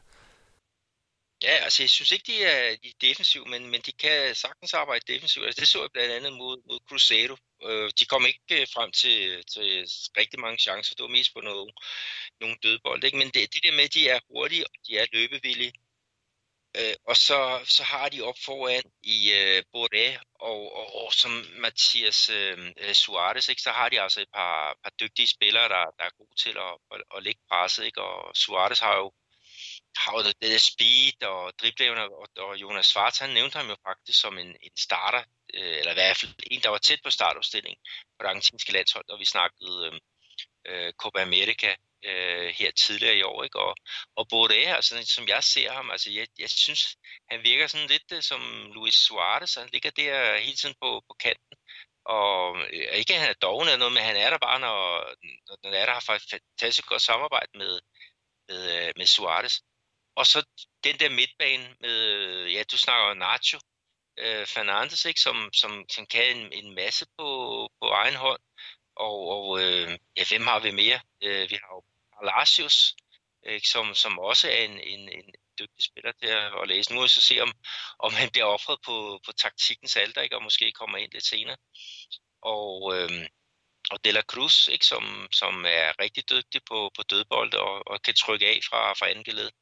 Jeg synes, de har et, et, et, et meget seværdigt øh, hold, men altså også meget disciplineret hold. Ikke? Og jeg snakkede med Søren Moberg, som er jo bosat i, i Argentina, i Buenos Aires, i, i en del år. Ikke? Han følger jo fodbolden tæt øh, dernede. Ikke? Han, han siger, at, at spillet er altså også højt anlagt. Deres, deres pasninger, deres bevægelser. Og det kan måske også blive deres akillesæl, at når de ikke lige kan få det til at, at fungere, så, øh, så, så får de problemer, og de, og de tabte her i den sidste turneringskamp, der tabte de til Rosario Central, og det var jo faktisk på et, øh, ja, et opsvitsfejl i, i de bagerste kæder, ikke, som, øh, som Rosario gik op og fik, øh, fik udnyttet. Men, men jeg, jeg synes altså, det er et, et, et komplet hold. Ikke? Også når man kigger på, hvad de har at skyde med fra, fra bænken. Jeg synes godt nok, der er nogle spændende navne. Det har de. De har jo en gammel kending, Peter, som vi i hvert fald har snakket meget om, øh, nemlig Lucas Prato. Han har jo øh, trods sine fodboldsko i Brasilien og har gjort meget ondt på, på diverse forsvar. Så, så ikke fordi jeg, har, jeg rigtig har holdt øje med ham, efter han er kommet tilbage til, til Argentina, men i Brasilien, der var han giftig, så jeg kan ikke se, hvorfor han ikke også skulle være det, efter han er kommet tilbage til, til sit hjemland. Ja, så er der Skokbo, som øh, er en spiller, som jeg kan huske, han scorede fem mål i, i, en, øh, en kamp her for, jeg tror det var to eller tre år siden, men har været noget, noget skadet. Ikke? Og, og en anden spiller, der, der har problemer med, øh, med, med, med skader, det er Joan Quintero, øh, kolumbianeren, øh, som hvad er det, Søren Moberg, han siger, men øh, Quintero, han er måske den, øh, den, jeg ved ikke, den spiller med det største potentiale. Men han er ikke så aggressiv i sit løb som, øh, som de andre. Ikke? Det gør nogle gange, at han bliver, bliver holdt ude. Øh, klart også, når han er på vej tilbage efter en, en skadespause. Øh, men, men han kom jo ind for eksempel i finalen ikke? og afgjorde den med et fantastisk øh, langskud til, øh, til, til 2-1 mod, mod Borkak, og så den endte jo 3-1. Og det, det, det sidste mål faldt jo på, ja, i, i, øh, i overtiden i, i, i tom mål. Men, men altså, de har virkelig noget at, at, at byde ind med øh, der, ikke? og der er sikkert også nogle andre spillere på bænken, som, som øh, jeg lige har overset her i, i, i den her ombæring. Men Andreas, noget, noget som jeg har bidt mærke til her i Copa Libertadores, det er, at de har spillet frygtelig mange kampe øh, uafgjort. Ikke? Og det, det ved sgu ikke, altså, når vi sådan skal spole tiden frem mod, mod den der finale, ikke? Altså, ja, og skal snakke om, hvad resultatet øh, bliver, ikke? så kunne jeg måske godt se en lille, øh, endnu en uafgjort kamp øh, snige sig frem.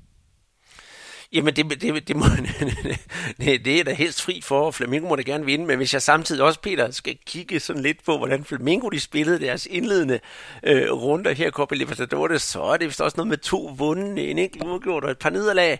Så, så jeg håber ikke, at de også følger, øh, hvordan, det, hvordan det er gået i de, de indbyldeskampe, og, og, og, som du også snakker om, så tabte de jo mod, øh, mod Emelec. Så, så de har vel ikke haft sådan en, en flydende kampagne i den her Copa Libertadores. Men ja, øh, øh, uafgjort, siger du? Ej, ved du hvad, jeg, jeg, jeg, jeg smider sgu øh, hele, hele hat og briller ind, og så siger Flamingo vinder. Men til gengæld, så øh, øh fordelen for, for River, det er, at de jo vant til at spille finaler. Det må vi jo sige. Øh, de var med sidste år, og, og alle det der, som siger, hans tid i, i River 10 finalesejr. Øh, og så to gange i Libertadores i 15 og 18, Copa Sudamericana i 2014, Hecopa 14, 18, 19, og alt det, man du har nævnt, ikke også? Så, så de er jo om, om nogen vant til det her pres, der ligger på deres skuldre. Det kan jo så være deres fordele, øh, deres fordel i forhold til, til, til Flamingo, hvor selvom selvfølgelig er nogen, der spiller Champions League osv., så videre, så videre, men det er jo ikke et sammenspillet hold, der har været i den ene finale, frem, øh, ene finale efter den anden på det niveau. Nej, vi kan sige, ikke? Gallardo ikke? han har haft fem og et halvt år i, i spidsen for, for sit mandskab, ikke? og George Jesus, han har jo haft er det fem, fem og et halvt måned i spidsen for, for øh, Flamengo. Men, men, øh, men, men også den der, øh, det er sgu ikke kynisme, ikke, som der, der er der med, med øh, de her argentiner.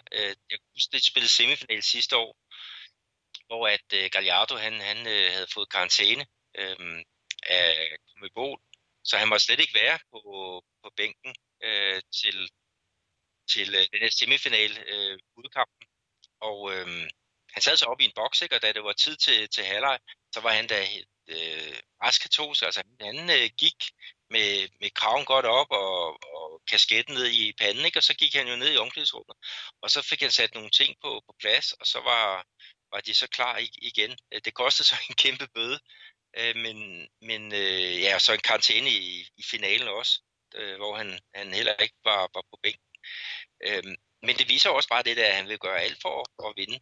Det tror jeg nu også, at Jesus han, han, øh, han, han vil, vil gøre, fordi at, at når man ser hans, hans ageren på, på sidelinjen, ikke? Altså, det er virkelig en, en, en ilter, ilter herre, øh, og der er, sgu ikke, der er, er, er Argentina, jeg ved det, Rivers træner måske lidt mere øh, cool. Sådan virker han i hvert fald øh, øh udad til. Men øh, det bliver spændende at se de, de to øh, i aktion, fordi der bliver også, der bliver også noget mundhuggeri mellem, mellem øh, ja, det, portugiserne og så, så argentinerne. Det, det, jeg kan ikke se det. det jeg kan ikke se andet øh, med de øh, personligheder. Nej, det, det kan jeg ikke. Og, jeg, og, og, og, og når de to som mundhugget, så kunne jeg også godt forestille mig, at spillet på banen bliver nogenlunde det, det samme. Det bliver, øh, jeg vil ikke kalde det tubangfodbold, men øh, der bliver satset fra, fra begge sider. Jeg kunne forestille mig, at, at River de satser øh, udelukkende på deres hurtighed, og så øh, ikke, jeg vil ikke sige, at de parkerer bussen overhovedet ikke, men de vil også prøve at, at, at holde en god defensiv, så de der Gabi Go og dem der ikke slipper igennem, for de kan altså være frygtelig, frygtelig giftige. Øh, og så det eneste, jeg siger, de skal, hvis de kan virkelig få spillet mellem bagkæden og, og de offensive kræfter til at lykkes, så skal det nok blive, blive rigtig godt. Og ja, øh, Flamingo, puha, jamen øh, det er sådan nogle lidt, lidt den samme spillestil, vi har. Så jeg satser det også på, at øh, Gerson og Arango og alle dem der, de skal kunne fodre det der angreb og sørge for Flamingos offensiv, mens Felipe Luis og, og Harfinha, øh, de lige sådan skal sørge for, at der både bliver spillet fremad, og samtidig så, så holde lidt i bremsen med den øh, europæiske professionelle erfaring, de har. Så uh, ja, altså, jeg vil jo gerne sige, at den her, den kører Flamingo rent hjem, og de er jo også favoritter hos bookmakerne, men du får mig ikke til at sige noget resultat her, før, før kampen er gået i gang, Peter. Det gør du simpelthen ikke. Nej, nej. Men det er jo også, altså det der, som du også siger, ikke, det er, du vinder ikke sådan en finale, uden at der er en, en, øh, en defensiv øh, taktisk øh, disciplin. Ikke? Og det er jo også det der med, med altså, øh, Galliardos hold, ikke, der gerne vil spille meget, meget pasningsorienteret, ikke? Med, med stor intensitet, ikke? og det vil Flamingo også. Men jeg, jeg ser nu Flamengo som måske lidt mere øh, lidt hurtigere til at komme øh, frem over stepperne, ikke? og de vil spille meget på, på Bruno Henrique, ikke? som typisk vil trække ud i, i venstre siden øh, og, og, og få en, en øh, bold i dybden. Øh, han, han bliver rigtig, rigtig svær at, at holde. Ikke? Men, men kan River, kan de gå op og stresse øh, ham, der skal slå aflevering, dem, der skal slå aflevering, ikke? Så, så har de i hvert fald et godt øh, våben. Så kan de få erobret bolden højt op, og så er der jo kort vej til, øh, til mål, ikke? Og, og det samme gælder selvfølgelig også den, den anden vej. Så, så mm, ja, jeg, jeg ser i hvert fald øh, en kamp med, med sindssygt høj intensitet, og øh, jeg, ved, jeg ved ikke, om, om vi får ah, måske en skøn kamp at, at, at se. Altså, den, den kan ikke undgå at blive dramatisk, og jeg tror også, at, at sådan som holdene er indstillet, at vi vil få en, en kamp med, øh, med alligevel en, en del fejl øh, undervejs. Det, det kan man sgu ikke undgå, når, når man i den grad øh, øh, spiller i, ja, på, med speederen i bund øh, det meste af, af tiden. Så, så det er nok meget godt dem, der lige kan trække lidt tempo ud, og så eksplodere i, i ny og næ. Det tror jeg faktisk godt, at Flamingo de, de kan lidt bedre end, øh, end øh, River. Mm. Det må vi se. Det er rigtigt. Og så skal vi selvfølgelig også lige have i mente, at det her det er jo reelt set også en kamp mellem Argentina og Brasilien. Så øh, vi får nok også set en, øh, jeg vil ikke sige en del, men vi får nok at se øh, en, en, en vis portion kort, i hvert fald af, af gule. Jeg håber ikke, der kommer nogen røde og røde. Så jeg tror også på den måde, øh, vi snakker om en, en, en intens kamp, men jeg tror også, der bliver gået til, til vaflerne, både på den ene og på den anden måde. Ja, det, det kan man nok ikke øh, undgå. Altså, vi skal have en dommer, der, der skal være god til at, at lukke det, det voldsomme øh, spil ned, ikke? Og, og må ikke også øh, det lykkes. Øh, men jeg glæder mig i hvert fald som en, et lille barn. Jeg har så lige det, når vi snakker om lille barn, jeg har en datter, der skal øh, ud af, af børnehave klassen her. hun er jo hun er lige fyldt 6 år, ikke? og til næste år så hedder det så første klasse. Og hernede i Brasilien, der holder man sådan nogle ja, det ved jeg sgu ikke, det hedder formatura, altså hvor man fejrer, at man er blevet uddannet. Så hun er blevet uddannet børne- eller førskoleelev. Og det skal fejres både lørdag og søndag. Øh, lørdag med skolen, og så um, søndag øh, er der sådan en privat øh, seance, og hun har fået sådan en, øh, sådan en blå dragt, sådan en, en blå hat med med sådan en, en hvad hedder sådan en firkantet øh, ting for, for oven der. Ikke? Så hun ligner en, der lige har taget øh, medicineksamen. Øh, men problemet det er jo, hvornår kan jeg slippe fra, øh, fra, fra de der løjer om, om lørdagen. Altså, hvad, hvad vil en rigtig flamingist øh, gøre i den situation, Andreas? Jamen, han vil selvfølgelig tage tv med under armen. Længere, længere er den da ikke. Eller finde på alskens undskyldninger for at, at, at, se kampen. Jeg har sat kryds i min kalender. Jeg skal ikke lave noget som helst andet end sidde foran fjernsynet, og så forhåbentlig fejre den her sejr bagefter. Og om ikke andet, så øh, måske hvis det ikke går, går den rigtige vej, så vil jeg være sur et par dage, og så måske håbe på, at øh, mesterskabet kommer øh, i hus hos Flamingo, så det ikke kun er malurt med malurt på. Nej, det bliver, øh, det bliver voldsomt. Jeg har overvejet det der med lige at få købe en lighter, og så lave den der med termometeret, og så fingere en, en, en kraftig øhm, øh, feber vildelse, men jeg tror ikke, øh, at hun stoler på, hvis det termometer siger 52 grader. Øh, men øh, men øh, nej, jeg skal, jeg skal afsted og, og skal nok slippe øh, hjem og se kampen i, i god tid. Så, men, men det bliver i hvert fald spændende. Men, men Andreas, vi har jo også snakket om, at øh, den hjemlige liga, den har jo ikke ligget stille. Øh, tværtimod. Og øh, vi er jo faktisk ret tæt på at kunne kåre en brasiliansk mester. Det, øh, det er vi uden tvivl, og det, øh, der kommer vi jo som sagt igen til at, at, at snakke om, om Flamingo, for ja, øh, vi nævner jo, at de simpelthen næsten ikke kan, kan finde ud af at tabe for tiden.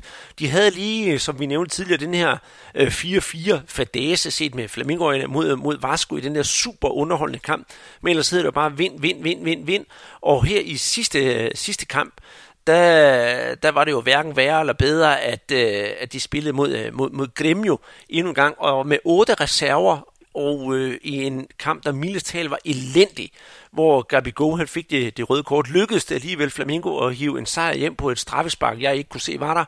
Øh, men øh, det var måske også det, der hedder heldet, topholdets held for en gang skyld. Og så var det jo hverken værre eller bedre, at øh, Parmeters øh, anden gang i træk spiller uafgjort. Så nu er der, øh, når, når, når runde 34 er spillet færdigt, den har Flamingo spillet, øh, men når de resten af klubben har spillet runde 34, og hvis Parameter sætter point til, så er Flamengo faktisk mester. Så ja, øh, uden at, at være i Brasilien overhovedet, så kan Flamengo endda være, være mestre på søndag, når Palmeiras altså møder øh, Gremio på, på hjemmebane. Og det bliver altså ikke nogen nem kamp for Palmeiras, så alt kan ske. Så det bliver faktisk rigtig spændende, selvom ja, Flamengo på nuværende tidspunkt øh, har 81 point hvor Parmeters har 68, så det er jo altså noget af et, øh, et forspring. Og sådan for at komme med en sammenligning, sidst da Flamingo vandt øh, det brasilianske mesterskab i 2009, der vandt de mesterskabet med 69 point, så de har virkelig øh, lagt sig i spidsen her. Ja, det må man sige, det er en, en, øh, en fornem omgang. Altså, det var det hjælp, du brugte der, der for, for mange uger siden. Altså, de har virkelig taget, taget sig selv op øh, ved rødderne og, og har kørt derud af imponerende alle folk hernede i Brasilien. Øh, er, er faktisk i kæmpe beundring over øh, den måde, som de har kørt den her sæson igennem. hvis vi lige sige, i den anden ende, altså Avaí, de er, er så været rykket ud, og, øhm, og så er der jo så kun tre øh, nedrykningspladser at kæmpe om. Ikke? Der er blandt andet Chapecoense, som ligger rigtig, rigtig skidt til. Øh, dem kendte vi fra flystyrtet her for nogle år tilbage. Øh, CSA, der har Ricardo Bueno med, øh, ligger også ilde øh, til. Og så har vi faktisk øh, et par store klubber, der ligger over, er lige omkring stregen. Der er Fluminense, der ligger under, og så er der Cruzeiro, der, der ligger øh, over. Og så har vi også Ceará og Botafogo. Altså, en af de klubber her, de skal nok ned i, i CB, B, ikke? og, og øh, der kommer til at lyde et, øh, et, et rammeskrig, men, øh, men spændende er det. Øh, og lad os da men lad os da først nyde øh, kampen her på, på lørdag, ikke? og så øh, i næste uge, så skal vi snakke Libertadores. Det kommer vi nok også til at bruge lidt krudt på, øh, eller meget krudt.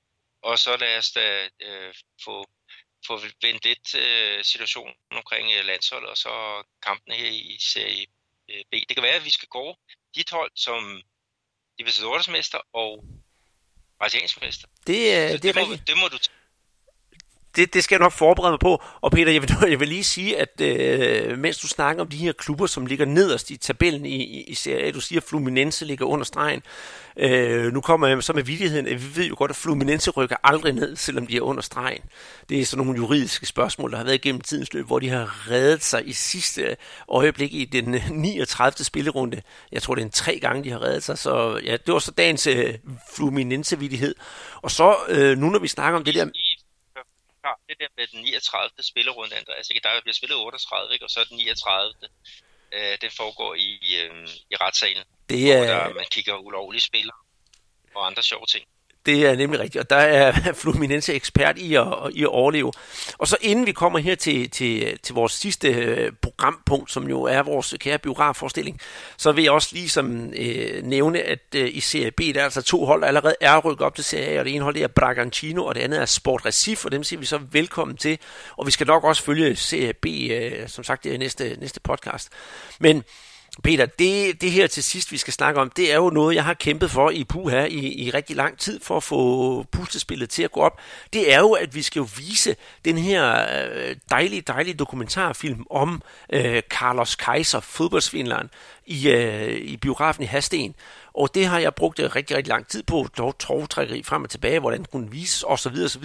Og så manglede vi jo lidt, øh, lidt kølige kontanter til at, at finansiere biografen, fordi vi synes jo her på Brasserbold, at det, det skulle være en gratis oplevelse for alle jer derude, der har lyst til at komme øh, og, og se filmen.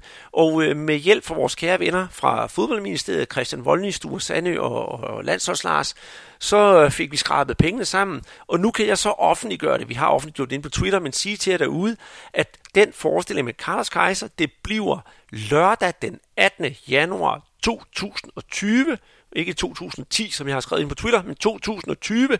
Øh, så vidt jeg husker, så er det klokken 19. Der kommer et officielt opslag på vores øh, Facebook-side, det vil vi også kunne se på vores internetside, og på Hastens øh, biografs hjemmeside, der kommer det også. Det vil foregå således, at øh, man kan ikke købe billetter, øh, købe billetter til, og man kan heller ikke reservere billetter. Man skal simpelthen bare møde op på dagen, og så går man ind og sætter sig, eller ligger sin trøje, eller hvor det er, man nu har lyst til at sidde. Og øh, ja, så bliver vi ind ved, indtil der er fyldt op, og det bliver der selvfølgelig. Det, det satser jeg stærkt på.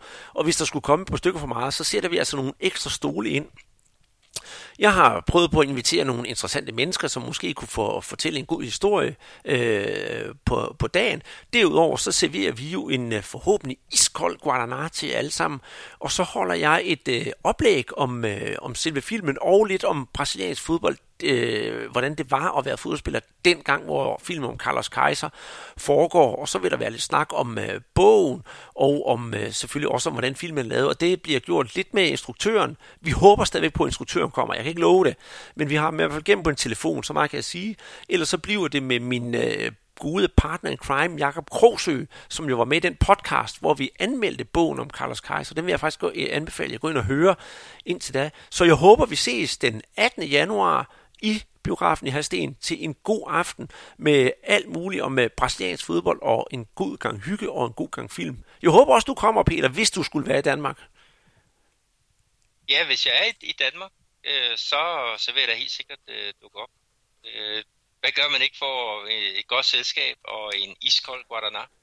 Det, øh, der er meget, der, det, det har du rigtig, der meget, man vil gøre for det, og, og, og jeg glæder mig enormt meget til det her. Det, øh, det kommer til at, til at løbe af, af stablen, fordi det, det har været togtrækkeri frem og tilbage, og, og nu er det endelig lykkedes, så jeg håber på en, en helt fyldt biograf. Øh, I hvert fald også kan vi få noget reklame for vores eget projekt. Det, øh, det glæder mig enormt meget, og så øh, kan vi også måske lige komme ind under hatten, at det her det er lidt en del af det, der hedder Shoot Film Festivalen, som jo jo fortsatvis foregår i København, som, og, og med det har jeg prøvet at få den ud i provinsen, så det er også øh, øh, lidt øh, shoot, der kommer til provinsen. Og med det, så synes jeg, vi skal lukke... Sige, undskyld, Andreas. Ja, jeg kan også lige sige, at uh, Lasse Højstrup øh, Sørensen, der var med på den der brasser-tur her, han har også meldt sin, øh, sin ankomst, og øh, han har også et par gode historier at fortælle fra, fra dengang, hvor han rejste, rejste verden rundt og de så fodbold alle mulige øh, sjove steder. Og det kom der en, en bog ud af, der hedder Fodboldøje, og den kan man øh, downloade, så vidt jeg husker. Øh, og det, det koster ingenting. Øh, så, så måske også lige kigge den igennem. Den er, det er nemlig gratis. Og jeg, og jeg skal sige også, at øh, udover at jeg holder et, et oplæg om filmen, så vil jeg altså også stå ude i foyeren den er ikke særlig stor, så man kan nok ikke undgå at se mig, når jeg står derude, øh, hvor man kan komme og stille mig alle mulige spørgsmål om brasiliansk fodbold. Det er ikke sikkert, jeg kan svare på dem, men jeg skal da gøre mit bedste. Og, og hvis jeg også lige snakker med Lasse, så kunne han jo også være med i sådan et, øh, sådan et spørg mig om, om, om, om fodbolden i Brasilien, for vi er der jo netop også for, ikke kun for at se film, men også for at dele ud af den, øh, den viden, vi har. Jeg håber også, at øh, formanden for Shootfilm Svend Rybner, han kommer over, og ja, der er måske ikke mange, der, der, der kender Svend Rytmer, men han er rent faktisk det, der hedder fodboldhistoriker og øh, hvad han ikke kan af gode anekdoter om fodbold rundt omkring i verden, især i, øh, øh, i Spanien, men, men også om brasiliansk fodbold, det er, det er i hvert fald værd at, at, at vente på. Så det bliver en god aften med masse, ja, som sagt også hygge og en god drink og, og gode fodboldanekdoter. Og med det, så øh, lukker jeg podcast, eller lukker vi podcast ned for, for den her gang. Det bliver en længere affære, Peter, kun om Copa Libertadores næsten, og det er jeg rigtig glad for. Og øh, jeg vil ikke sige, at vi ses igen næste uge. Nej, jeg vil simpelthen sige, vi ses jo på lørdag til en kæmpe brasiliansk fodboldfest. Og øh, til alle jer derude, få øh, Flamingo-trøjen frem, eller River Plate-trøjen frem. Jeg vil ikke genkende, jeg vil sige, render rundt River-trøjer, men øh, Flamingo-trøjer, så skal jeg nok hilse. Og øh, så krydser jeg i hvert fald fingre for, at øh, Flamingo vinder. Den her podcast, den er altså lavet i samarbejde med Guadalajara Antarctica. Og øh, ja, Peter, du sidder nede i Belo Horizonte og følger, følger fodboldtingene nøje øh, i det brasilianske, og jeg sidder her hjemme og prøver at holde trådene lidt sammen og, og ringe rundt til forskellige, så vi kan få en rigtig god podcast. Husk at gå ind på øh, ja, tier.dk, hvis man vil støtte os lidt økonomisk. Så er der jo også iTunes, hvor man kan ind og give os nogle stjerner, så vi kan spise kirsebær med de store fodboldpodcasts. Og så ja, husk at gå ind og like ind på vores Facebook-side, og vores Twitter-profil, for jo mere vi får af den slags, jo mere har vi lyst til at lave en masse god brasiliansk fodbold podcast til jer derude. Så ja, på gensyn på lørdag.